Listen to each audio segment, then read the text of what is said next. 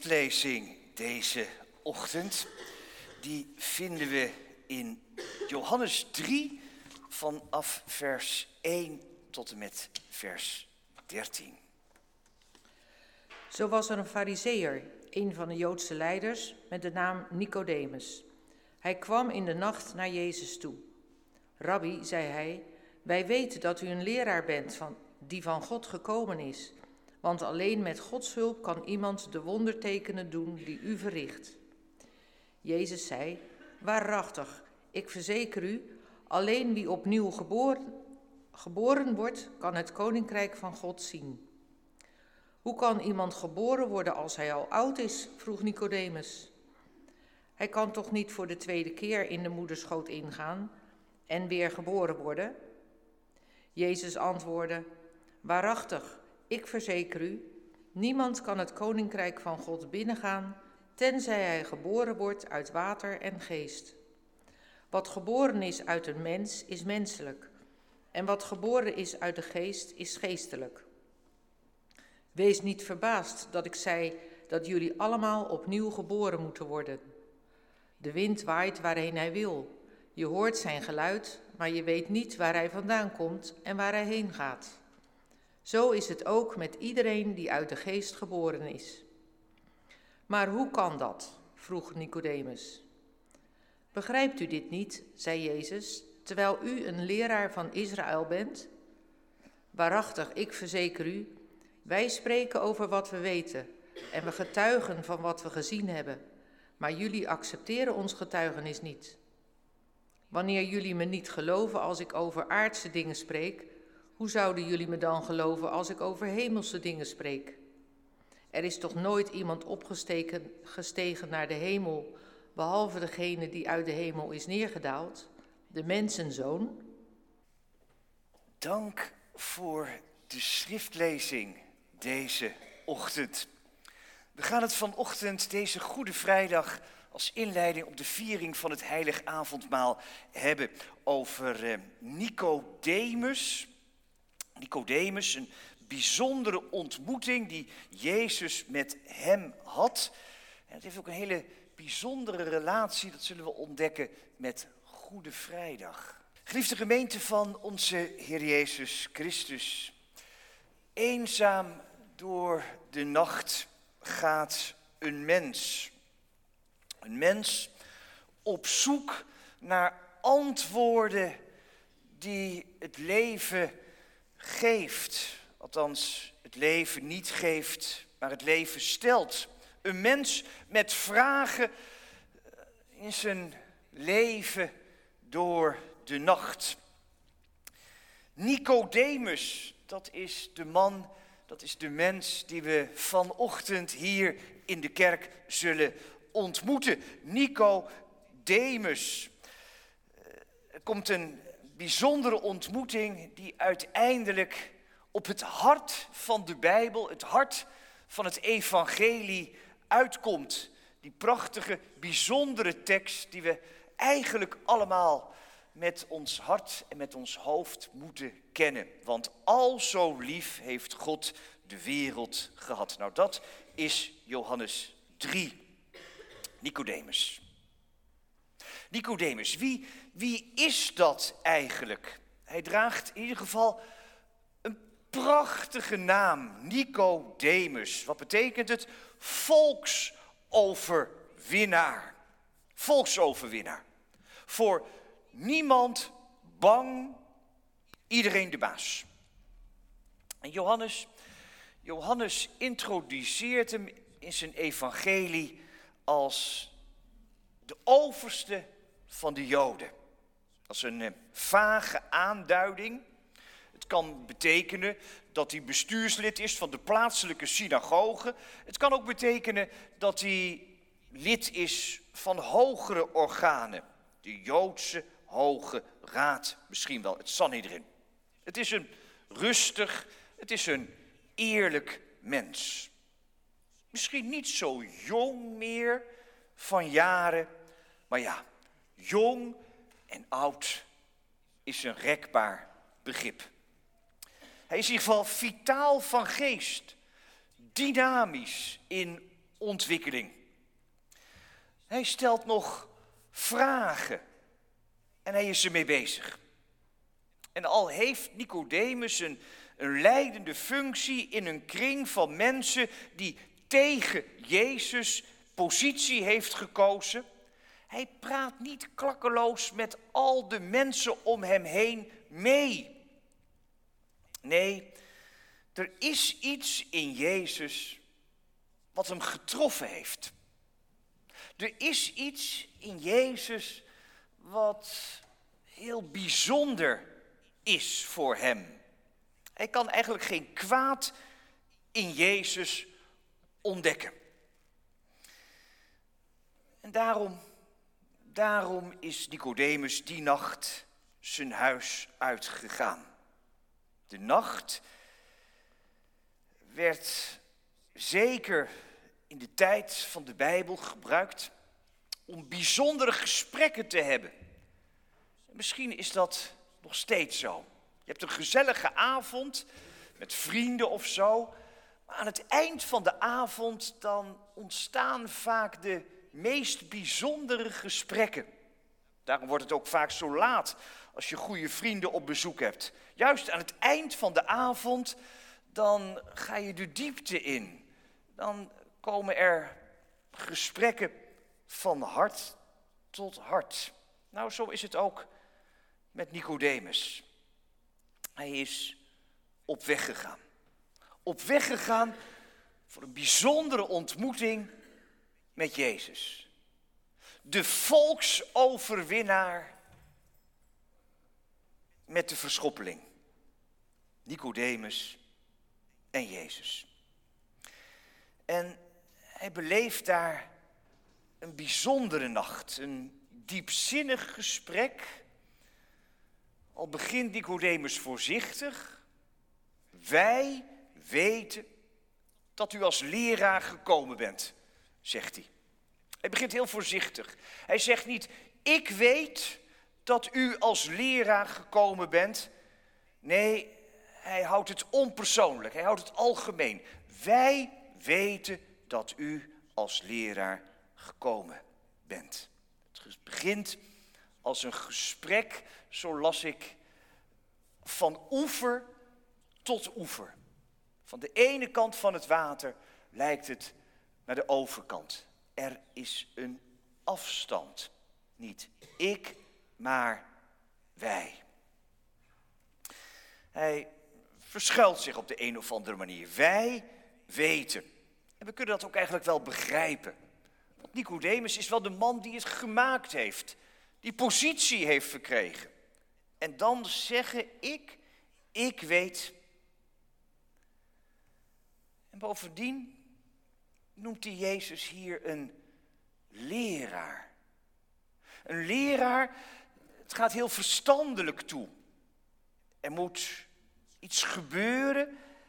Het is een leraar, geen koning, geen profeet. Nee, u bent een, een leraar. En dan antwoordt Jezus. Nicodemus, wat heeft het eigenlijk voor zin dat we met elkaar spreken? U moet eerst wedergeboren worden. Wedergeboren worden?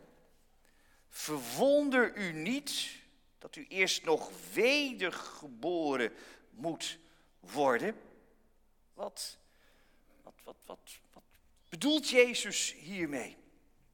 Allereerst dat verwonderen. Wij mensen, zeker als we opgegroeid zijn, zijn een beetje die verwondering kwijtgeraakt. Het, het, het, is allemaal zo, zo gewoon en het, en het moet ook allemaal verstandelijk beredeneerbaar zijn. Maar, maar een kind kan zich nog zo heerlijk verwonderen. laten we die verwondering toch allemaal vasthouden. De verwondering dat we leven, de verwondering dat we hier in alle vrijheid weer in de kerk samen mogen komen. De verwondering dat God ons vasthoudt. En dan komt dat moeilijke woord wedergeboren. Wat bedoelt Jezus daar nou mee te zeggen?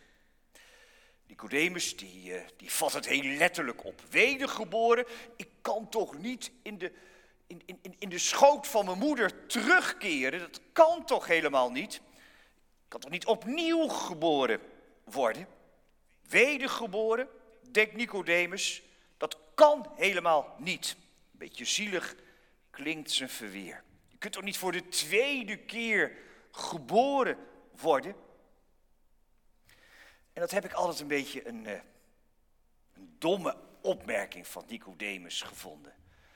Altijd een beetje gedacht van waarom maakt hij Jezus hier bijna belachelijk? Waarom, waarom doet hij dat eigenlijk? Waarom gaat hij er niet serieus op in? Maar dat was omdat ik de pijn in dat leven van Nicodemus misschien niet begreep. Een mens kan toch niet wedergeboren worden? Nicodemus zegt, het kan toch helemaal niet dat je opnieuw kunt beginnen? Dat je achter wat je allemaal gedaan hebt in je leven weer de nieuwe start kan maken? Alles wat, wat we gedaan hebben, dat, dat hebben we toch gedaan. En, en we zijn nu zo ver in ons leven. Je kunt toch niet meer opnieuw beginnen? Die tijd is toch voorbij? Je kunt toch niet nog een keer geboren worden? Je bent te groot gegroeid. Je kunt toch niet voor de tweede maal de moederschoot ingaan? En dat, dat is juist het verdriet in de pijn, in het leven van Nicodemus. Er is zoveel gebeurd. En ook zoveel niet gebeurd in dat leven. En misschien ook wel in ons leven. En je ligt aan alle kanten vast. Wat zegt u? Een nieuwe start? Opnieuw geboren worden? Even onmogelijk als terugkeren in de schoot van mijn moeder. Nicodemus, die spreekt hier een diep verlangen uit. Hij hoopt op het onmogelijke. En daarom, daarom ging hij juist in de nacht zijn huis uit. Wederom geboren worden. Een nieuwe start maken. God die iets nieuws begint. Dat bedoelt Jezus met die wedergeboorte. Het licht vinden. Een nieuwe start. Los van helemaal vastliggen aan duizend en één andere dingen. En dat is de wonderlijke nacht die Nicodemus beleeft in zijn leven. Dat ontdekt hij in dat gesprek met Jezus. En zo gaat dat gesprek verder. En zo verlaat Nicodemus een paar uur later, het is nog steeds nacht, dat huis waar Jezus was. En Johannes beschrijft dat. Johannes is de man van licht en duisternis. Het lijkt wel een beetje op Rembrandt. Het is niet alleen donker om Nicodemus heen. Het is nog steeds donker ook in het leven van Nicodemus. Hij is aan het denken gezet. Met alles wat daarbij hoort. Wedergeboren worden, opnieuw beginnen. Maar het is allemaal nog donker. Het is allemaal nog ver weg in zijn leven. Maar als hij daar zo loopt, dan breekt het licht door. Alleen anders dan we misschien gedacht hadden. De schriftlezing kwam uit Johannes 3. En een hele tijd horen we niks meer van hem. Alsof hij voor altijd na dat gesprek in de nacht verdwenen is. Maar dan duikt hij plotseling opnieuw op. Op Goede Vrijdag. Jezus wordt begraven. Dan verschijnt Nicodemus opnieuw ten tonele. Met mirre, ongeveer 100 pond, om Jezus te balsemen. En dat lezen we in Johannes 19, vers 39. Nicodemus, die destijds s'nachts naar Jezus toegegaan was, kwam ook. Hij had een mengsel van mirre en aloë bij zich, wel honderd litra. Ze wikkelde Jezus lichaam met de balsem in linnen, zoals gebruikelijk is bij een Joodse begrafenis. Dicht bij de plek waar Jezus gekruisigd was, lag een olijfgaard. Het lijkt alsof Nicodemus voor altijd in de nacht verdwenen is. Maar na Goede Vrijdag komt hij tevoorschijn. En geeft hij een vorstelijk gesprek en een vorstelijk geschenk aan Jezus. Een geschenk voor de koning. In Johannes 3 noemt hij Jezus nog een leraar. Na de kruisiging geeft hij een koninklijk geschenk. Een geschenk wat je alleen aan koningen zou geven. Aan Jezus. En dat is wat Jezus heeft ontvangen. En wat Nicodemus ermee wil uitdrukken. Ooit zag hij zijn hel bij Jezus midden in de nacht. Nu treedt hij uit het duister tevoorschijn en durft hij aan de kant van Jezus te gaan staan. Blijkbaar ziet hij deze kruisiging als een overwinning. Want de sterkste is niet die, net als Herodes, alles kan maken en kan breken. De sterkste is hij en zij natuurlijk, die alles dragen kan ook het ergste.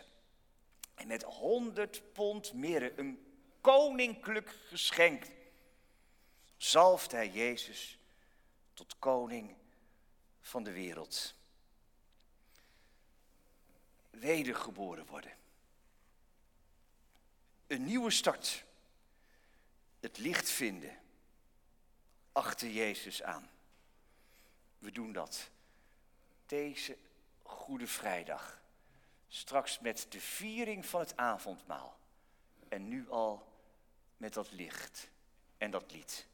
Heer, wees mijn gids. Amen.